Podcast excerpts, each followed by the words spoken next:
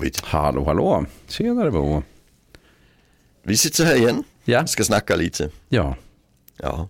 Och du har kommit fram till, eller du har efterfrågat att vi ska snacka lite om, om det här med, med evolutionära mekanismer kring straff och uh, att hjälpa och ja, men precis. sådana Jag, saker som, som jag håller på att fuska med. ja, men precis. Och Jag, jag har sett det här att det finns liksom eh, ibland också genetiska komponenter kopplat till det här. Och jag tycker att det här är en, en fråga som är intressant. Eh, där jag då tänker att eh, vissa människor kan behöva jobba mer med de här frågorna än andra. För att de har lättare Precis. att hamna i ett visst fack. Ja, jo. Och då måste jag ge en introduktion till hela fältet. Ja, men vi gör det. Go ahead. Eh, Ja, alltså det, det, det handlar ju egentligen om att eh, bland annat Michael Tomasello har beskrivit att eh, Michael Tomasello är professor i psykologi, utvecklingspsykologi, men har sysslat mycket med det vi kallar evolutionär antropologi. Just så han har det. sysslat med vad är människan. Eh, och så han skrev en bok i, bok i 2016 där han pratar om det här med moralens funktion i, i, i artens utveckling. Och han har skrivit flera böcker och den här lilla skriften om samarbete. Som är på svenska, den är helt underbar. Ja. Eh, ja, precis. Jag tror den heter Hur vi samarbetar eller Ja, något, något sånt där. Mm. Ja, Thomas finns på ja, Daidalos förlag Mm. och kostar en hundring och eh, har underhållning till flera dagar tycker jag. Ja, Det här bara går igenom vetenskapliga studier som är så enormt roliga. På, Ja. de, de har gjort på små barn. jättespännande. Eh, ja, men, men i alla fall hans, hans grundtanke i, i boken från 2016 som heter A Natural History of Human Morality. Det är att han säger att vi människor har utvecklat förmågor som hjälper oss att samarbeta. Och bland dessa där är moralen en. Alltså, han har tidigare beskrivit både kommunikation och språk och tänkande och så som, som egenskaper vi utvecklar för att kunna samarbeta. Men här går han direkt in och säger moralen. Och det han säger som är så spännande där tycker jag, det är att han säger att vi har två typer av moral. Den ena det är att vi tar hand om den svaga. Just. Och det gör vi för det att när vi tar hand om den svaga så blir vi fler än om vi inte gör det. Alltså vi, tar vi inte hand om den svaga så är det större risk att vi går under som art. För ju, ju fler vi är ju bättre överlever vi för Just vi det. överlever via samarbete. Eh, Och där menar han då till exempel att det klassiska det är ju att någon bryter benet så tar vi hand om. Och det betyder i förlängningen också att vi tar hand om personer med down syndrom och demens och vad vet jag liksom. Även om det kanske kostar lite när vi gör det så är det värt det i långa loppet om vi tar hand om alla liksom. Just det. Eh, Så det, det är principen. Och det kallar vi då egalitärt beteende. Alltså att vi hjälper varandra. Framförallt den svaga. Eh, Och sen säger han också, men vi har också en mekanism som heter att man måste uppföra sig för att vara en del av flocken. Ja, Att man stöter ut den som beter sig Ja. riktigt, riktigt, riktigt illa. Den som inte spelar enligt reglerna åker ut. Just det. Och evolutionärt handlar det ju om att om vi har en i flocken som skäller de andra smart så kommer vi ju allihopa att gå under. Så därför gör vi oss av med den individen. Och det kallar vi altruistiska straff. Alltså altruism det är ju att man gör det för andras bästa eller för allas bästa. Men här där straffar vi ju en individ för att de andra ska överleva. Och på savannen var ju det väldigt allvarligt för där överlever man helt enkelt inte om man blir utkastad ur gruppen eftersom samarbete är det som får oss att överleva. Eller fick oss där i alla fall. Ja. Och, och fortfarande är det idag tänker jag. Alltså, att bli, idag slänger vi ju in folk i finkan istället. För det är svårt att slänga ut folk ur samhället för det att vi är överallt idag. Ja, det, är vi, det som är skillnaden är att eh, när det inte enbart är savannen så att säga.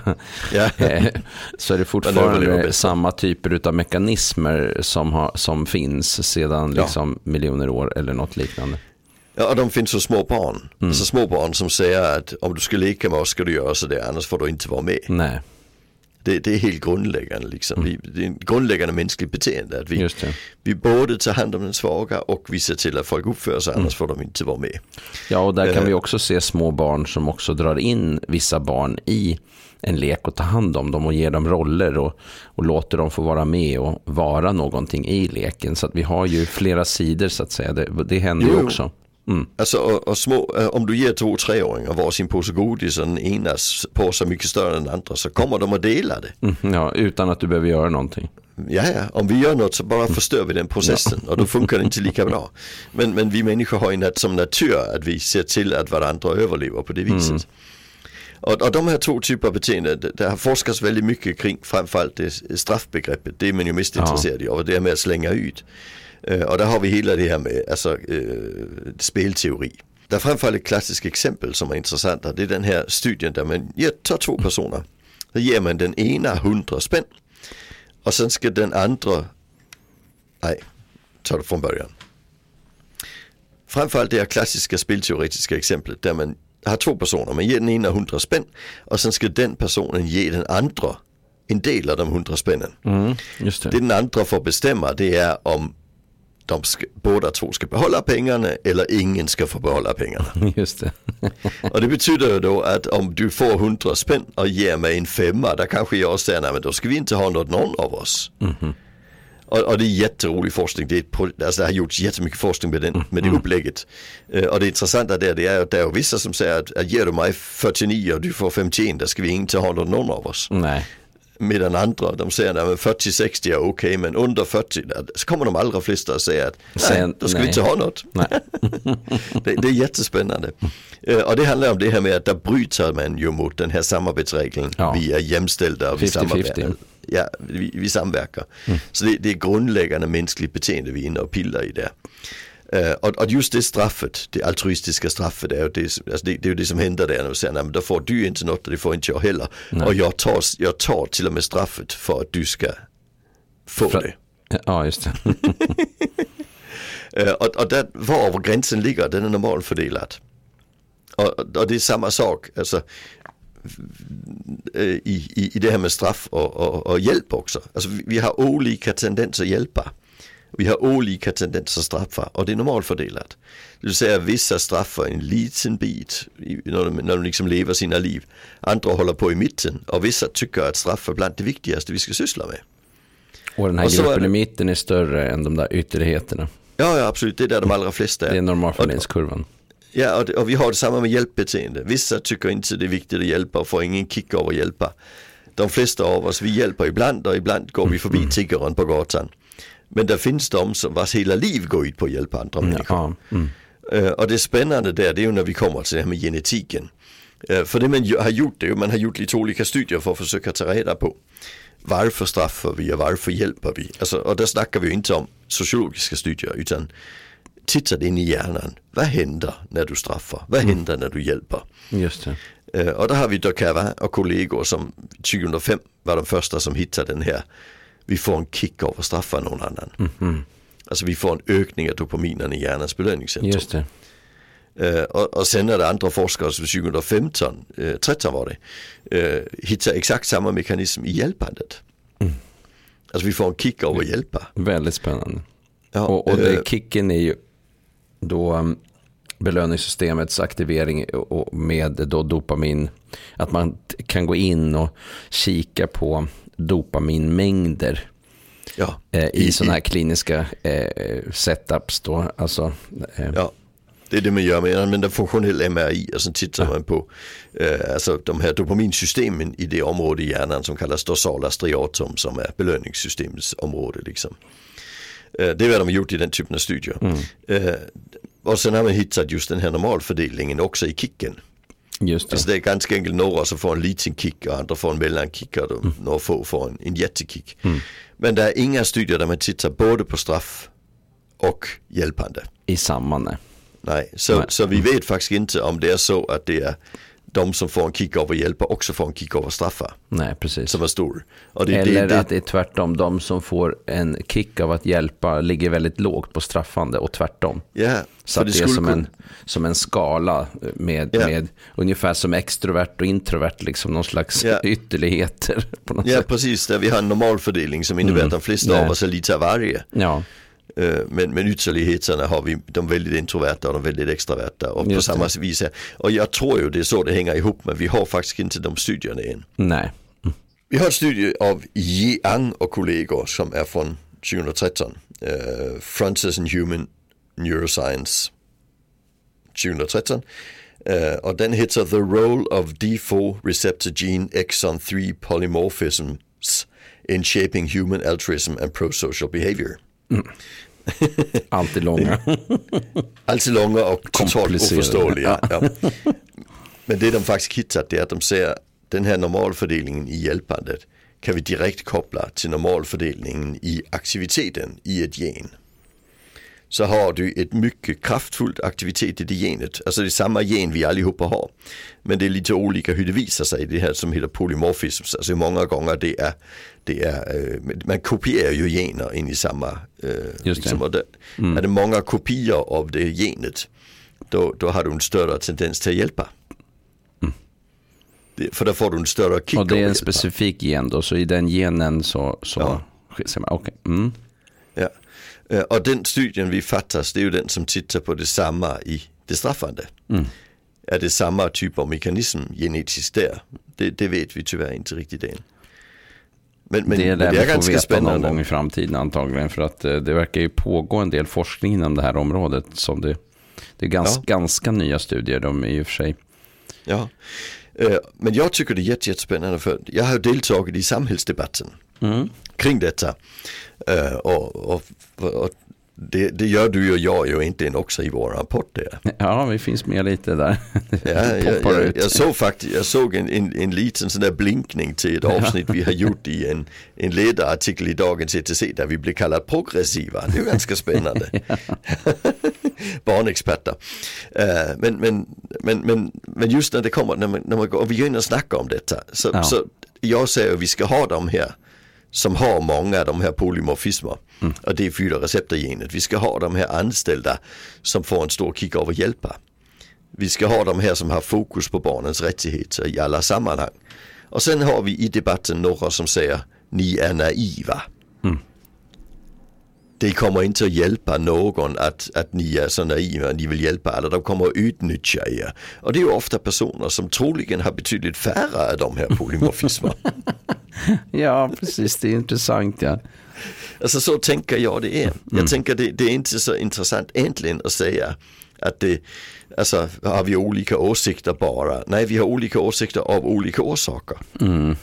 Av en av orsakerna, det är, det är en ren genetisk sak. Det är och faktiskt då, lite spännande. Och då är ju inte vi där att vi tror att genetik är 100% och miljö är noll eller tvärtom. Nej, utan nej, nej, nej. Det är ständigt ett eh, samspel. Eh, men i och med att eh, man då har den här normalfördelningskurvan så kan man tänka sig att om man ligger väldigt lågt på ehm, eh, till exempel eh, kopplat då till en viss gen att man eh, att det känns bra att straffa säger vi. Mm. eh, då, då kan ju det vara eh, väldigt, eh, någonting som man behöver jobba med mycket, mycket mer än, eh, än för den personen som ligger högt på, på samma yeah. område. Eller om man nu säger högt eller lågt, jag vet inte vilken yeah. ordning Nej, det går. Men... Precis, jag, jag, tycker man kan säga, jag, jag vill säga så att det är två samspel. Mm. Alltså, och det ena samspelet det är ju att om du har en tendens att hjälpa så får du många fler hjälpa eh, erfarenheter. Just det. Om du har en tendens att straffa får de... den upplevelsen. Ja precis, har du en mm. tendens att straffa eh, genetiskt så får du många fler straffande uppgifter och det är inte, eller, erfarenheter och det är inte säkert att de förstärks. Mm, för det kan faktiskt vara så att de situationerna inte blir så bra för det funkar inte lika bra. Alltså, så, så det, men, men alltså generna utvecklar ju alltid människan i samspel med, med, med de, de handlingarna generna styr. Ja. Alltså så, så, det blir ett samspel mellan din uppväxtmiljö och, och dina gener i detta. Just det. Uh, men eftersom vi människor är ett samarbetande djur så den som har en hjälpande tendens har en större liksom, möjlighet att få bättre samspel än den som har en straffande tendens. Det, det är en faktor. Ja, Sen är det en annan faktor och det är det här med att jag måste förhålla mig till vem jag är. Mm. Och sen måste jag förhålla mig till vem jag vill vara. Mm, just det, precis. Och, och, och det är ju en, en, i varje dag får jag tänka. Jag, jag, jag, brukar ha ett exempel på det här altruistiska straffet som jag kör när jag föreläser och så. Mm. Det är när man sitter i bilen på motorvägen och blir omkörd på insidan av en person som försöker Någon komma fram lite snabbare. Alltså. det, det, där kan man bli lite strafftänkande, ska vi säga mm. så. Ja, Även, det, det, det, är jättespännande faktiskt för att eh, mm. man kan liksom umgås med den här tanken liksom att, eh, att eh, alltså det är, vilken jäkla idiot. Men sen om den personen skulle köra av vägen, då är det inte helt säkert att man skulle bli, bli liksom, tycka Vad sorgligt. Nej. Nej, alltså jag, jag tänker om, om vi ser polisen ta honom lite senare, där kommer vi att tycka, skratta gott eller hur? Ja. Men kör han av vägen skulle jag nog absolut då, hjälpa honom. Blir, ja, jo, jo, så är det ju. Mm. Men, men, men, men just den här, den andra konsekvensen skulle vi tycka, där fick han den jävel. Ja, men precis. Och, vi, och det är kanske så illa så vi trycker på gasen när vi kör på utsidan där, när han försöker köra på insidan. Precis, det finns en del som drabbas av det. Ja, jag kan drabbas utav det. Ja. Istället, för att, istället, för att, istället för att minska på gasen så att han snabbt kommer undan. Eller ja. han säger vi nu, ja, det kan det, vara en hon. Men det, ja, brukar ganska ofta vara en han. statistiskt sett är det en han i precis. yngre och medelålder. Ja. Mm. Och eh, enligt vissa så är det också vissa bilmärken som ligger högre i kurs tysk, där. Tysk som typ BMW till exempel. Statistiskt sett är, är sannolikheten större att det är mm. ja. men, men det spännande det, det, tycker jag det är att alltså, jag måste förhålla mig till vem jag är i den ja. situationen. Mm. Alltså vill jag vara den som trycker på gasen och klämmer in honom fram, bakom en annan bil? Just det. Eller vill jag vara den som släpper fram honom? Mm. Så även om jag får en kick av att hjälpa eller får en kick av att straffa så, mm. så, alltså, så kan vi ju jobba på dygder. Ja, just det. Eh, jag var på ett jätteroligt, eh, en jätterolig föreläsning för en del år sedan eh, i Nogronio i, i Spanien på en etikkonferens. Mm. Och det var en professor från Harvard och han var professor i etik men han jobbade på Ingenjörshögskolan. Mm. och det var ganska spännande. Ja, det tyckte han också. och, och, det handlar om att man har den här college-tanken i USA, att man ska vara lite allmänbildad också. Men han funderade på hur ska man göra med, med ingenjörsstuderande? Det är inte så enkelt som eh, att snacka etik med dem som alla möjliga andra. Så han hade gjort en kurs där man i, i början av kursen där skulle man välja en dygd. Mm. Och han sa det fick inte vara en scout-dygd. Det skulle vara en riktig dygd. Ja, okay. Jag vet inte riktigt vad han menade med det. Nej. Och sen eh, varje vecka skulle de då skriva en mail till honom om vad de, hur de hade kommit i sitt, att träna sin dygd. Mm. Och sen när, när terminen var över så gav han feedback till de löpande. Liksom. När terminen var över så fick de då godkänt på kursen eh, om de hade reflekterat kring sitt dygdtränande. Ja, mm. Mm. Eh, och så läste han en, en, del av de här mejlen upp för studenter som var jätteroliga. Alltså för det, det, är ju etikundervisning på ganska hög nivå men mm. också med personer som bara tog den här kursen i många fall för att man skulle ha så många poäng inom humaniora inom deras utbildning. Eh, och, och, och, vissa som inte hade den minsta förutsättningen för att fundera i etiska termer. Men, men för, man kan ju förhålla sig till att jag vill vara en snällare människa eller mm. jag, jag, jag vill, eh, alltså det, det är en dygd, snällhet är en dygd mm. liksom. Mm. Uh, jag, vill, jag vill vara mer rättvis uh, och inte egoistisk till exempel, kan också vara en dygd liksom. Mm. Och sen skulle de liksom visa hur de hade tränat och det, det intressanta säger han det är att man kan ju träna dygder. Alltså deras, de, han träffar studenter som säger att det var den bästa kursen på hela utbildningen. Mm, ja. och, och, sen har jag tränat fyra nya dykter sen dess. Vad spännande. Ja, men det att man jag liksom. Att man på ja. något sätt kan bestämma sig för att eh, nu, nu, nu vill jag göra det här, nu vill jag bli en bättre, en bättre människa. Ja, men du kan mm. bara bestämma dig för det om du har identifierat vilken människa du är. Ja, och, eh, och sen så tänker jag att det är en långsam process. För man kan ju inte göra allting på en gång. Och det tycker jag var lite nej, smart nej. att han sa ju inte så här plocka ut tolv dygder och öva på dem. Utan han nej, sa ta en och sen fanns det de som fortsatte i samma och ja. tog någon annan sen då. Ja, precis. En åt mm. gången säger mm. han. För att man, kan inte, måste... man måste reflektera över vad man sysslar med. Ja. Mm. Uh, vi har ju i samhället har vi det begreppet att uh, ge det vidare. Det är ju en sån uh, dygd handling mm. kan vi säga som en del folk lever efter liksom. Men, men, men det spännande tycker jag det är att om vi har en person som har en utpräglad tendens att straffa och tycker det är bra. Mm, just det. Kommer, kommer ju den vi har ju träffat sådana inte minst i politiska sammanhang. Mm. Hårdare tag, lobbyn och de här. Och det finns också i liksom vissa kollegium på, och, och sådär. Alltså ja. Det finns i, ibland personal i skola och vård och mm. omsorg som också kan ham, hamna där. Oh ja. Mm. Absolut eh, konsekvensorienterad, alltså mm. den får kick av att straffa. Och tycker det är bra. Eh, vi har en dansk eh, pedagog som heter Jens Berg som har skrivit böcker om hur bra det är. Liksom. Mm utifrån filosofisk tanke liksom. Och de kommer ju aldrig att träna dem, det egalitära, det hjälpande som dygd. alltså, så, så jag tänker vi måste, jag brukar säga så här, vi måste förhålla oss till att vår tendens att straffa och vår tendens att hjälpa de är en del av vår genetiska uppsättning. De är utvecklade ja. som en del av vårt sociala samspel. Just det.